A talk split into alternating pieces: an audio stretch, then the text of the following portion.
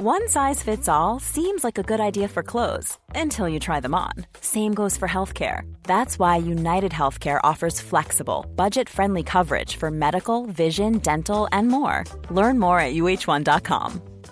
This is Paige, the co-host of Giggly Squad, and I want to tell you about a company that I've been loving, Olive and June. Olive and June gives you everything that you need for a salon quality manicure in one box. And if you break it down, it really comes out to $2 a manicure, which is absolutely insane. It's also so easy to get salon worthy nails at home with Olive and June. The difference between how your nails used to look when you did them yourself and now with the Manny system is a complete game changer. The best thing about Olive and June too is it's a quick dry, dries in about one minute, lasts for five days, and full coverage in up to one to two coats. Visit oliveandjune.com slash perfectmanny20 for 20% off your first system. That's oliveandjune.com slash perfectmanny20 for 20% off your first system. Everyone knows therapy is great for solving problems, but getting therapy has its own problems too, like finding the right therapist, fitting into their schedule, and of course, the cost. Well, BetterHelp can solve those problems. It's totally online and built around your schedule. It's surprisingly affordable too. Connect with a credentialed therapist by phone, video, or online chat, all from the comfort of your home. Visit betterhelp.com to learn more and save 10% on your first month. That's BetterHelp H E L P. Helt siden de første menneskene slo seg ned i Trøndelag, har det blitt observert underlige lys over Hessdalen. Fenomenet har blitt forsøkt bortforklart som syner sett av bygdetullinger og deliriske hallusinasjoner forårsaket av den lokale drikkekulturen. Men det skulle vise seg at fenomenet stakk langt dypere når Hessdalen-fenomenet fikk verdensomspennende oppmerksomhet i ufo-miljøet på 1980-tallet. Fenomenet er fremdeles der, og det er fremdeles like uforklarlig som den gang. I 2024 kommer en podkastserie i seks deler produsert av Project Hessdalen, som kanskje en gang for alle skal finne svar på hva som rører seg på himmelen i denne bortgjemte dalen i Trøndelag. Serien har som seg hør og bør fått tittelen A Blaze in the Northern Sky, og den kommer til din favorittpodkastavspiller i 2024.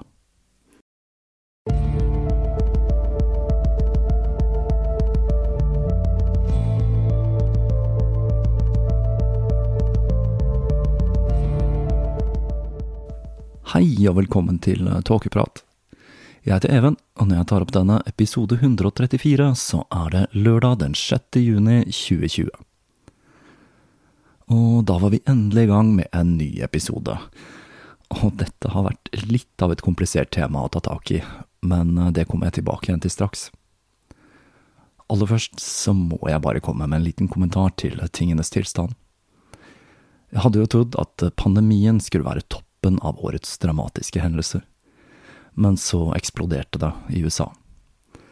Etter enda et politidrap på en afroamerikansk mann, så kokte det hele helt over, og vi har vært vitne til noen av de mest ekstreme opptøyene i USA i vår tid. Det er litt som opptøyene i LA i kjølvannet av Rodney King-saken, men i en verden med internett og lynrask spredning av informasjon. Jeg skal ikke komme med noen dypere politisk analyse av det som skjer der. Dette er jo ikke en politisk podkast, og dette er et ekstremt komplisert og sammensatt problem.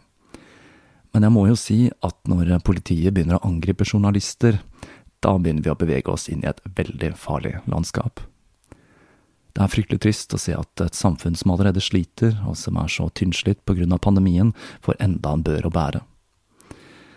Men spenningen, den har vært der i årevis, og dette var gnisten som antente det hele. Samtidig så er dette en påminner om at man i USA har et helt annet forhold til etnisitet enn vi har her til lands. Bare bruken av begrepet rase er noe jeg synes er problematisk, men det er et ord man gjerne slenger rundt seg i det offentlige i statene, som om det faktisk er et legitimt vitenskapelig grunnlag for å dele mennesker inn i ulike raser. Jeg vet jeg har tipset om denne boka før, men jeg vil gjerne igjen slå et slag for Carl Harts bok High Price. Denne biografien gir et innblikk i hvordan det er å vokse opp som svart i en av Miamis tøffeste nabolag, og hvordan han på sin reise til å bli forsker oppdaget at det er noe som er fundamentalt annerledes i synet på svart og hvit i det amerikanske samfunnet kontra andre vestlige land. Det var altså Carl Hart, og Hart skrives H-A-R-T, og boka heter High Price. 2020 blir etter alle solemerker et ekstremt spesielt år. Men nå skal vi over til podkasten. Etter forrige episode så fikk jeg en del tilbakemeldinger fra lyttere som var overbevist om at disse perfektene egentlig dreide seg om prefekter, altså ikke perfekter. Jeg skjønner at disse to begrepene høres veldig like ut, men dette dreier seg altså om to forskjellige ting. En prefekt er et ord som stammer fra det latinske prafectus, og dette er en tittel vi blant annet kommer over i det romerske riket, og som refererer til en person som har kontroll over et administrativt område, enten det dreier seg om et fysisk område, eller eksempel en militær divisjon eller en forlegning. En perfekt, derimot, det er en tittel som ble oppfunnet av Bernard av Clairvaux, og som refererer til qatarer som har gjennomgått dåpsritualet consolamentum.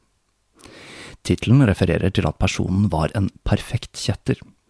Som vi husker, så var jo ikke denne Bernhard hva man kan omtale som en super fyr, akkurat. Dette var jo mannen bak utsagnet Drep dem alle, Gud vil gjenkjenne sine egne.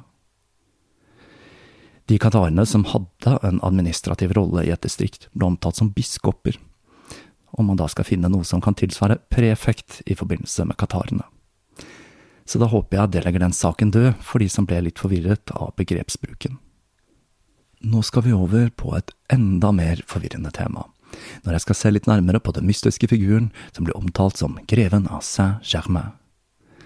Denne personen, som frekventerte hoffene i Europa på 1700-tallet, er innhyllet i en aura av mystikk. Og det er en person jeg har hatt lyst til å bli litt bedre kjent med i lang tid, men som jeg har skjøvet til side på grunn av andre tema. Men da jeg så siste sesongen av Castlevania på Netflix, så dukket jaggu denne greven opp der også og det gjorde at jeg bestemte meg for endelig å se litt nærmere på denne figuren, som enkelte hevder fremdeles lever i beste velgående i et underjordisk kloster med hemmelige mestere, og at han kanaliserer ideene sine til mennesker som er mottagelige for dem.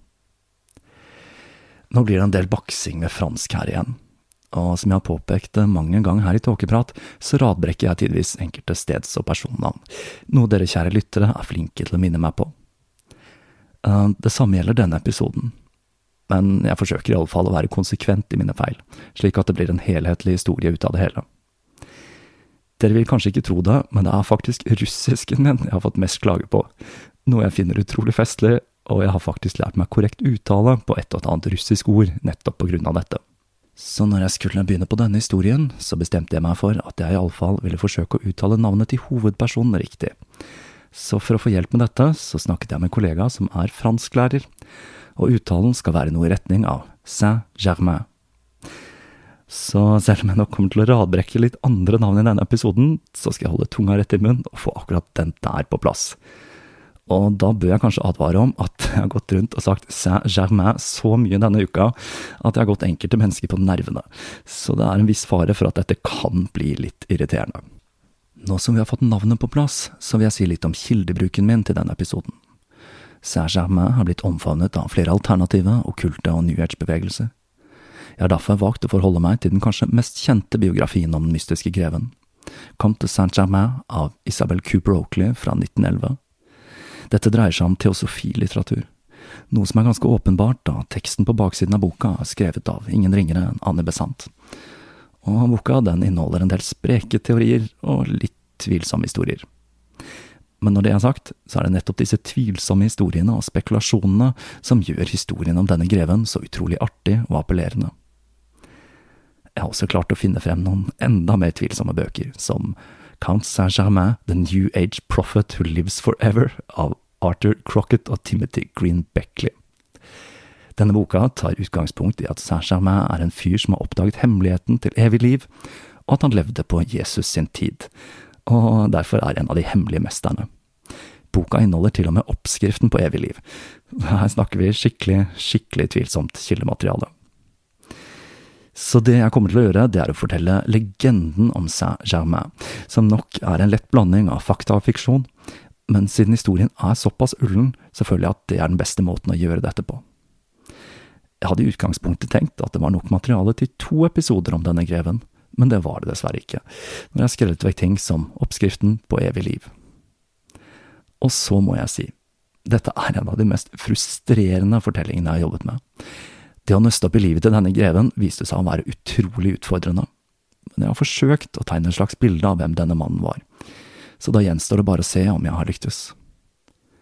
Og da er alt klart for å ta en nærmere kikk på greven av Saint-Germain.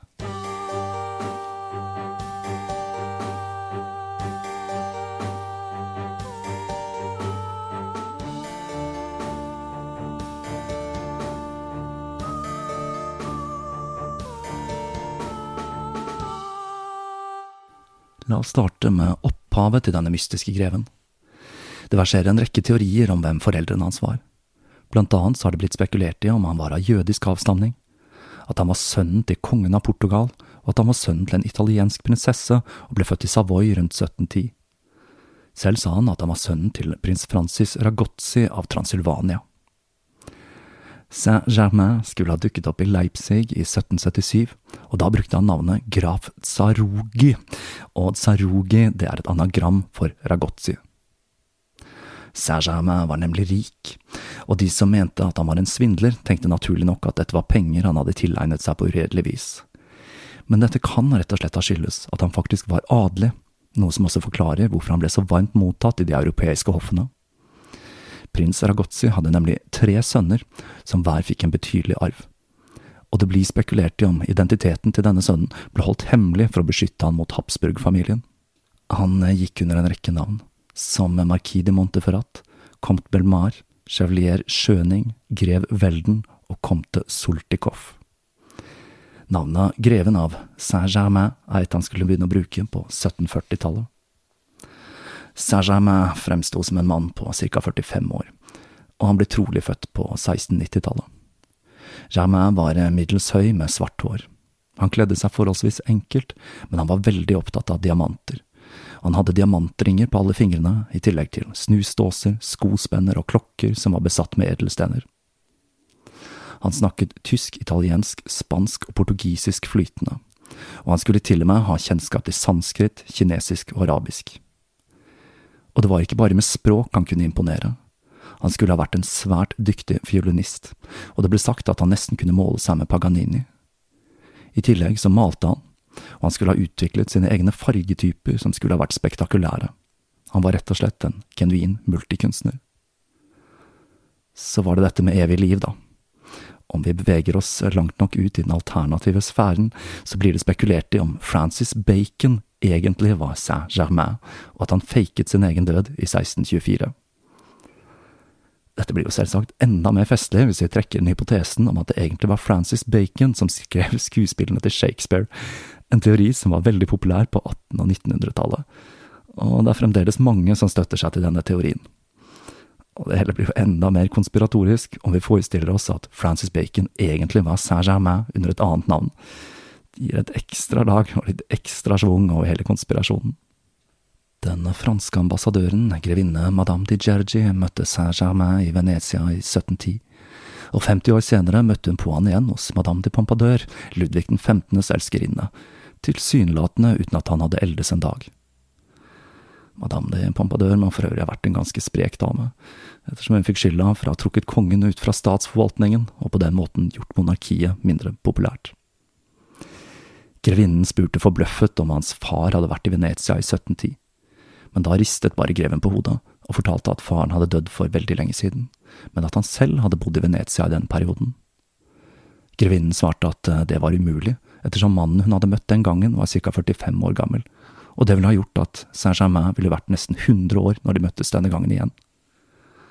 Germain bare smilte og sa madame, jeg er veldig gammel hvorpå han fortalte detaljer fra deres forrige møte som bare han kunne vite, og grevinnen ble overbevist om at mannen hun hadde fremfor seg, faktisk var den samme hun hadde møtt i Venezia. Jamma hevdet at han hadde funnet eliksiren til evig liv. Han skulle også ha gitt denne til andre, som da han hørte den ti år gamle grevinne Di Genelis synge, og han sa at stemmen hennes ville bli perfekt i 16- og 17-årsalderen, og han lovte henne at hun skulle få, kunne forbli i den alderen for all tid med hans hjelp. Moren til jenta ble imponert av denne merkelige mannen, og hun spurte om han kom fra Tyskland.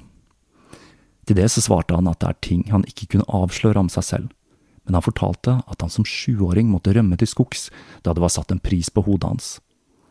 Så rullet han opp ermet og viste et portrett av en vakker kvinne han hadde festet på armen. Han fortalte at dette var hans mor, og at han aldri hadde sett henne siden den dagen han måtte rømme. Hun stusset litt når hun så at kvinnen bar en veldig spesiell og gammeldags kjole, men da hun spurte hvilken epoke den var fra, så rullet han ned ermet igjen og skiftet tema. Slik er historiene om Saint-Germain. Hver gang noen begynner å spørre om fortiden og identiteten hans, så endrer han tema. Og det å snakke seg bort, det var noe han var ekstremt dyktig til. Fra 1737 til 1742 så var Saint-Germain ved hoffet til sjahen av Persia, og det var her han skulle ha lært seg alkemiske triks for å manipulere edelstener. Han skal blant annet ha hatt kunnskap om hvordan man kunne fjerne urenheter i diamanter, og om hvordan man kunne smelte sammen flere små edelstener til én stor. Neste gang han dukker opp, så befinner han seg i England under jakobittrevolusjonen, hvor han ble mistenkt for å være en spion og ble arrestert. Han blir referert til i et brev skrevet av Horace Walpole til den britiske ambassadøren i Firenze. Han skrev Her om dagen ble en underlig mann som kaller seg Saint-Germain pågrepet. Han har vært der i to år, men han vil ikke fortelle hvem han er eller hvor han kommer fra. Men han tilstår at han bruker et dekknavn. Han er utrolig god til å synge og spille fiolin. Han er gal og ikke særlig fornuftig. I denne perioden skulle Saint-Germain ha skrevet sanger til operaen L'Incostanza de Lusa, som ble spilt ved Haymarket Theatre i London fra den 9. februar til den 20. april 1745. Og i tillegg til stykkene han skrev for denne operaen, så finnes det en rekke musikkstykker som er tilskrevet greven, så alt tyder på at Saint-Germain faktisk var en svært dyktig musiker.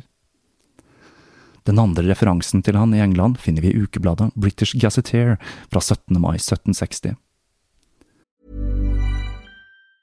In the for investment-worthy watches, and fine jewelry, Rebag is the answer. Rebag is a luxury resale platform where each piece is carefully inspected by experts to ensure quality and authenticity. Use Rebag to buy and sell finds from the world's top brands, including Louis Vuitton, Chanel, and Cartier. Head to Rebag.com and get up to 15% off your first purchase as a member with code REBAGNEW. Shop today at Rebag.com. That's R E B A G.com. And use promo code REBAGNEW for up to 15% off your first purchase as a member. Millions of people have lost weight with personalized plans from Noom, like Evan, who can't stand salads and still lost 50 pounds. Salads, generally, for most people, are the easy button, right? For me, that wasn't an option. I never really was a salad guy. That's just not who I am. But Noom worked for me. Get your personalized plan today at Noom.com. Real Noom user compensated to provide their story. In four weeks, the typical Noom user can expect to lose one to two pounds per week. Individual results may vary. Redaktøren av Brussels Gazette forteller at en person som kaller seg Saint-Germain, akkurat har kommet hit fra Nederland. Han ble født i Italia i 1712. Han snakker flytende tysk og fransk i tillegg til italiensk, og er god til å gjøre seg forstått på engelsk. Han er bevandret i kunst og vitenskap, er en dyktig kjemiker, en virtuos når det kommer til musikk, og er svært hyggelig selskap. Videre kan vi lese at han ble lurt opp i stry i England i 1746, men at han klarte å bevise sin uskyld. Så dukker det opp et par datoer til. I 1745 skulle han ha dratt til Wien, og i 1755 så dro han til India for andre gang for å perfeksjonere denne teknikken med å smelte om edelstener. Denne teknikken skulle han ha demonstrert for Ludvig 15. i 1757. Kongen hadde hørt om Germains påståtte kjennskap til edelstener, og han viste greven en diamant som hadde en feil. Kongen spurte om det ville være mulig å fjerne feilen, noe som ville gjøre at den ble nesten dobbelt så verdifull. Saint-Germain forsikret kongen om at dette var mulig, og fortalte at han ville trenge en måned. En måned senere så troppet greven opp med diamanten uten feilen. Dette imponerte kongen så stort at han beholdt den som en kuriositet framfor å selge den. Ludvig var svært begeistret for Saint-Germain, og det samme var madame de Pompadour. I denne perioden i Paris var det en ung engelskmann, lord Gower, som moret seg med å kle seg ut som Saint-Germain og frekventerte salonger i Paris for å spille en overdreven utgave av denne merkelige greven. Og mange av de villeste historiene om Saint-Germain har sitt opphav i nettopp denne lord Gower. som for eksempel at han hadde vært rådgiveren til Jesus. I 1760 sendte Ludvig Saint-Germain på et politisk ærend i Haag. Og etter besøket der så dro han videre til England, hvor han ble godt mottatt av kongefamilien. Etter dette englandsoppholdet skal han ha tilbrakt noe tid i St. Petersburg. Han ble nemlig venn med moren til Katarinen 2. av Russland når han var i Paris, og han skulle ha tilbrakt mye tid med henne.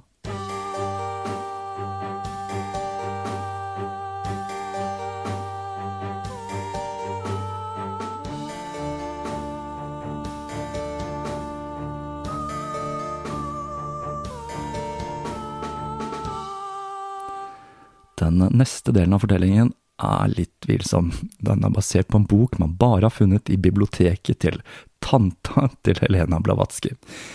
Men artig er den like fullt. Og her kan vi lese at han i 1768 plutselig dukket opp i hoffet i Paris og klarte å få en audiens med Marie Antoinette takket være ryktet han hadde som en venn av kongehuset, og på grunn av de diplomatiske oppdragene han hadde utført for den franske kronen. Etter å ha blitt smuglet inn til dronningen ble han hilset med Monsieur le Com, Versailles er et sted du kjenner godt. Madame, i 20 år var jeg fortrolig med den nylig avdøde kongen. Han var god nok til å høre på meg, og han benyttet seg av mine evner ved flere anledninger. Så skulle han ha fortalt Marie Antoinette at monarkiet var truet, at ingen lover ville være i stand til å beskytte dem, og at den katolske kirken ville bli forbudt og erstattet av en grådig republikk, og at septeret ville bli erstattet av bøddelens øks. Marie Antoinette, som jeg forestiller meg at ikke akkurat var en chill dame, ble rasende når hun hørte disse ordene, og freste. Monsieur, tenk på hva du sier, og hvem du sier det til hvorpå Saint-Germain sa at det var på grunn av de alvorlige omstendighetene at han fant det nødvendig å være så like frem, og at nødvendige tiltak kunne iverksettes for å forhindre denne katastrofen. Etter dette fortalte han at han ønsket en audiens med kongen innen fire dager, da han planla å forlate landet etter dette. Men greven fikk aldri møtt kongen ved denne anledningen. Fiender han hadde ved hoffet, forsøkte å få han arrestert, men han forsvant sporløst. Marie Antoinette er for så vidt en spennende skikkelse jeg godt kunne tenke meg å stifte litt nærmere bekjentskap med. Damen som sto bak uttalelsen La dem spise kake, er jo en figur som kanskje burde være litt i ettertanke i et samfunn der skillet mellom fattig og rik stadig blir større. Det kan kanskje være kjekt å lytte dersom det dukker opp en mystisk greve, så slipper vi kanskje å gå tilbake til giljotinen. En litt artig kilde vi har til grevens liv i denne perioden, er ingen andre enn selveste Giacomo Casanova, som skriver om Saint-Germain i sine memoarer. Casanova var på vei til turné i Sørvest-Frankrike, og da fikk han vite at greven oppholdt seg i området. Casanova ble nysgjerrig og spurte om han kunne få en audiens med Germain. Han ble fortalt at greven aldri tok imot gjester, men etter å ha skrevet til ham så ble han invitert til en audiens mot at han kom inkognito og at de ikke skulle spise sammen. En av teoriene om det påstått, påståtte lange livet til Saint-Germain er nemlig at han hadde oppnådd dette ved ikke å spise. Ifølge den supre kilden The New Age Prophet Who Lives Forever, så er det nemlig mulig å overleve på luft alene. Og dette er en faktisk praksis som kalles inedia, og som er basert på troen om at det er mulig å overleve på åndedrett eller prana. Og det er ofte litt tvilsomme gurutyper som hevder at de har mestret denne teknikken. Det finnes til og med et eget institutt i USA hvor du kan lære å leve uten mat for den nette sum av 100 000 dollar. Det finnes også retninger der man tror at man kan overleve på sollys alene. Så bør jeg kanskje føye til at det er mennesker som har dødd av å praktisere enedia. Fordi at mennesker trenger mat for å overleve, det er faktisk ganske så solid fundamentert i vitenskap, akkurat sånn som at jorda er rund.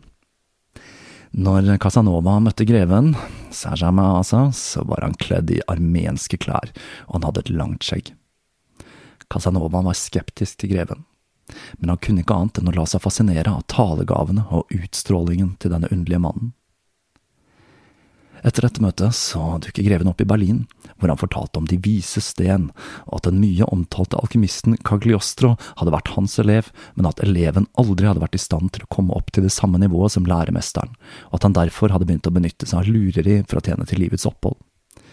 Cagliostro var jo som vi husker en av favorittene til Anton Lavey, fordi Lavey mente at han var en luring, og dermed en ekte satanist.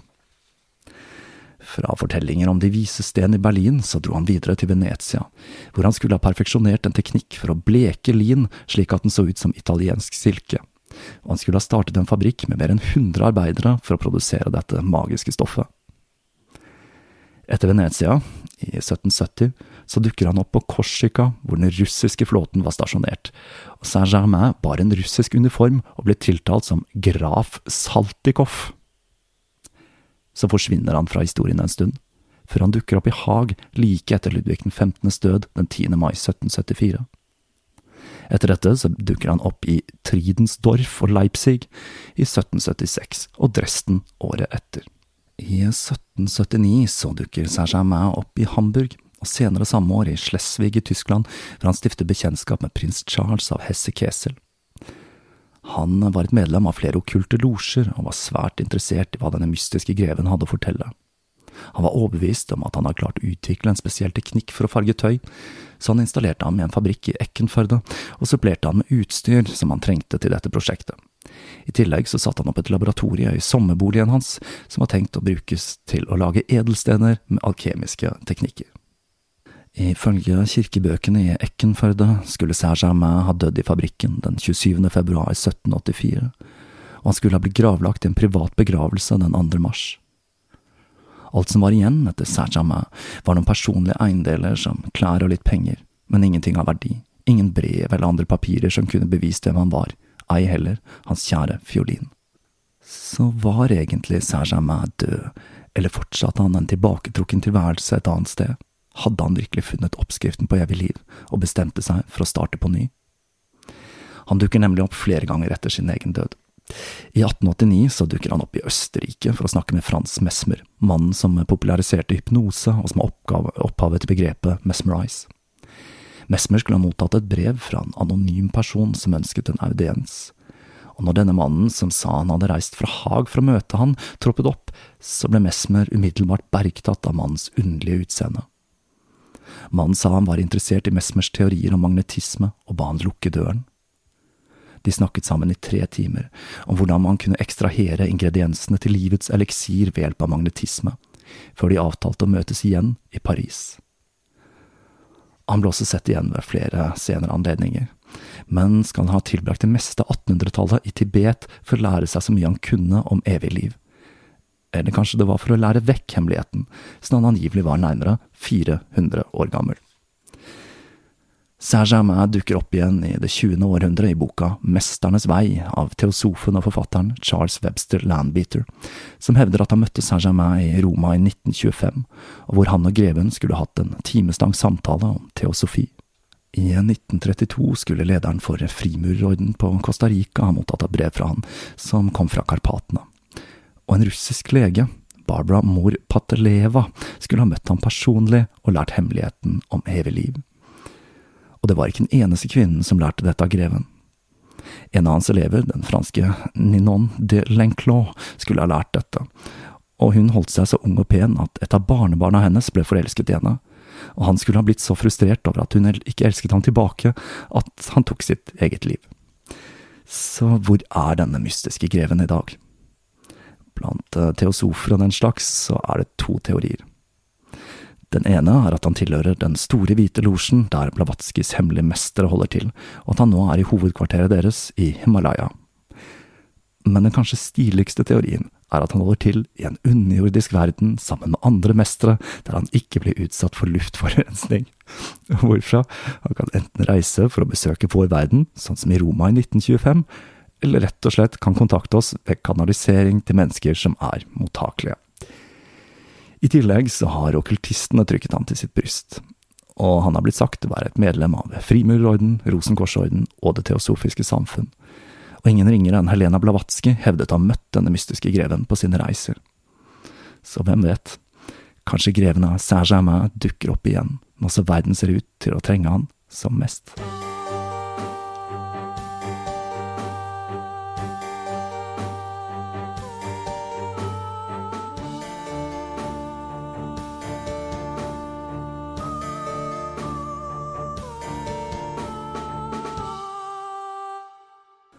Og det var historien om greven av Saint-Germain, og kanskje en av de mest ulne fortellingene jeg har tatt for meg så langt i denne podkasten.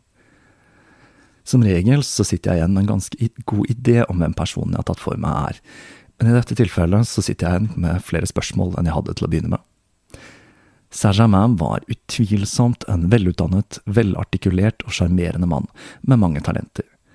Samtidig så er det jo mye her som lukter av ren svindel, som hans påstand om å kunne smelte om edelstener, og ulike eskapader hvor han for eksempel omdannet lin til et stoff som så ut som silke.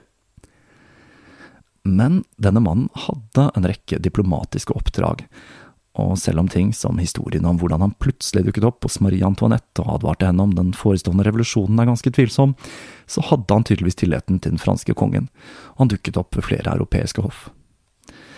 Selv Casanova, som var svært skeptisk til mannen, ble fascinert av talegavene hans, og uttalte at han aldri hadde vært borti et individ som hadde den samme evnen til å føre en samtale.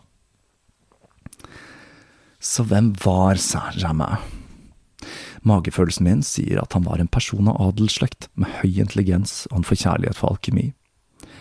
Han var nok en luring, men samtidig så er det et eller annet her som forteller meg at han var mer enn bare en bløffmaker og en svindler, uten at jeg helt klarer å sette fingeren på det. Alt dette gjør at jeg nok må gi prisen for å være den mest obskure personen som har dukket opp i denne podkasten, til nettopp greven av Saint-Germain for til tross for at han har fått en kultstatus i ettertid, så klarte han å skjule sporene til sin egen opprinnelse og sitt eget liv så godt at det er så å si umulig å tegne et fullgodt bilde av hvem han var i ettertid. Jeg må jo si at det føles litt utilfredsstillende for meg som podcaster, men sånn er det jo bare, jeg har tross alt valgt å grave meg ned i mørk, okkult og obskur historie, og dette er virkelig obskur historie. Og med greven av Saint-Germain bak oss, så er tiden inne for igjen å ta for meg et lineært tema. Jeg må jo si at jeg har gått med en del frustrasjon i å sette sammen denne episoden, og nå gleder jeg meg til igjen å ta for meg et litt mer rett fram emne. Jeg har ikke helt bestemt meg for hva neste episode skal handle om enda, men jeg har et par gode alternativer på lur. Fram til da så vil jeg takke alle dere lyttere som henger med her, og ikke minst dere patrions. Den siste tiden så er det kommet til en del nye, og det setter jeg utrolig pris på. Patrion er jo i praksis den eneste faste kilden til inntekt jeg har fra Tåkeprat, og det er utrolig kult å se at det kan fungere med en slik frivillig abonnementsordning, også her i Norge. For akkurat der tror jeg det amerikanske samfunnet ligger litt foran oss, når det gjelder dette å støtte opp privat om kreativt arbeid. Her i Norge så har vi jo diverse støtteordninger og statlige fond og slikt, men det er ikke noe jeg har eller har tenkt til å benytte meg av, så takk til hver og en av dere som støtter meg der. Fra og med denne episoden så har jeg begynt å legge ut lydbrekkene fra episodene som MP3-filer på Patrion, som et slags bonusmateriale. Så fram til neste episode så håper jeg dere alle tar godt vare på dere selv, nå som vi beveger oss inn i sommeren 2020. Med alt som har skjedd så langt i år, så hadde jeg ikke blitt overrasket om en invasjon fra rommet eller tilbakekomsten til Saint-Germain er det neste som står på plakaten. På gjenhør.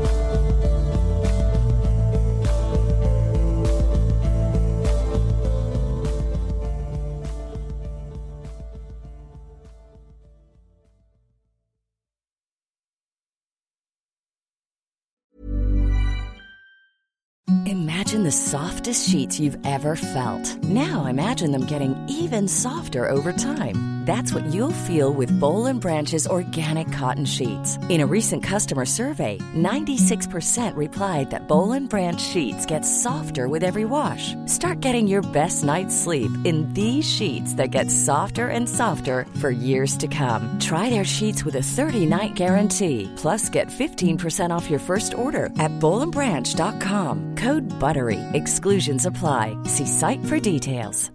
Even when we're on a budget, we still deserve nice things. Quince is a place to scoop up stunning high-end goods for 50 to 80% less than similar brands. They have buttery soft cashmere sweaters starting at $50, luxurious Italian leather bags, and so much more. Plus, Quince only works with factories that use safe, ethical, and responsible manufacturing. Get the high-end goods you'll love without the high price tag with Quince. Go to quince.com slash style for free shipping and 365-day returns. Planning for your next trip? Elevate your travel style with Quince. Quince has all the jet setting essentials you'll want for your next getaway, like European linen, premium luggage options, buttery soft Italian leather bags, and so much more. And is all priced at 50 to 80% less than similar brands. Plus, Quince only works with factories that use safe and ethical manufacturing practices. Pack your bags with high-quality essentials you'll be wearing for vacations to come with Quince. Go to quince.com slash pack for free shipping and 365-day returns.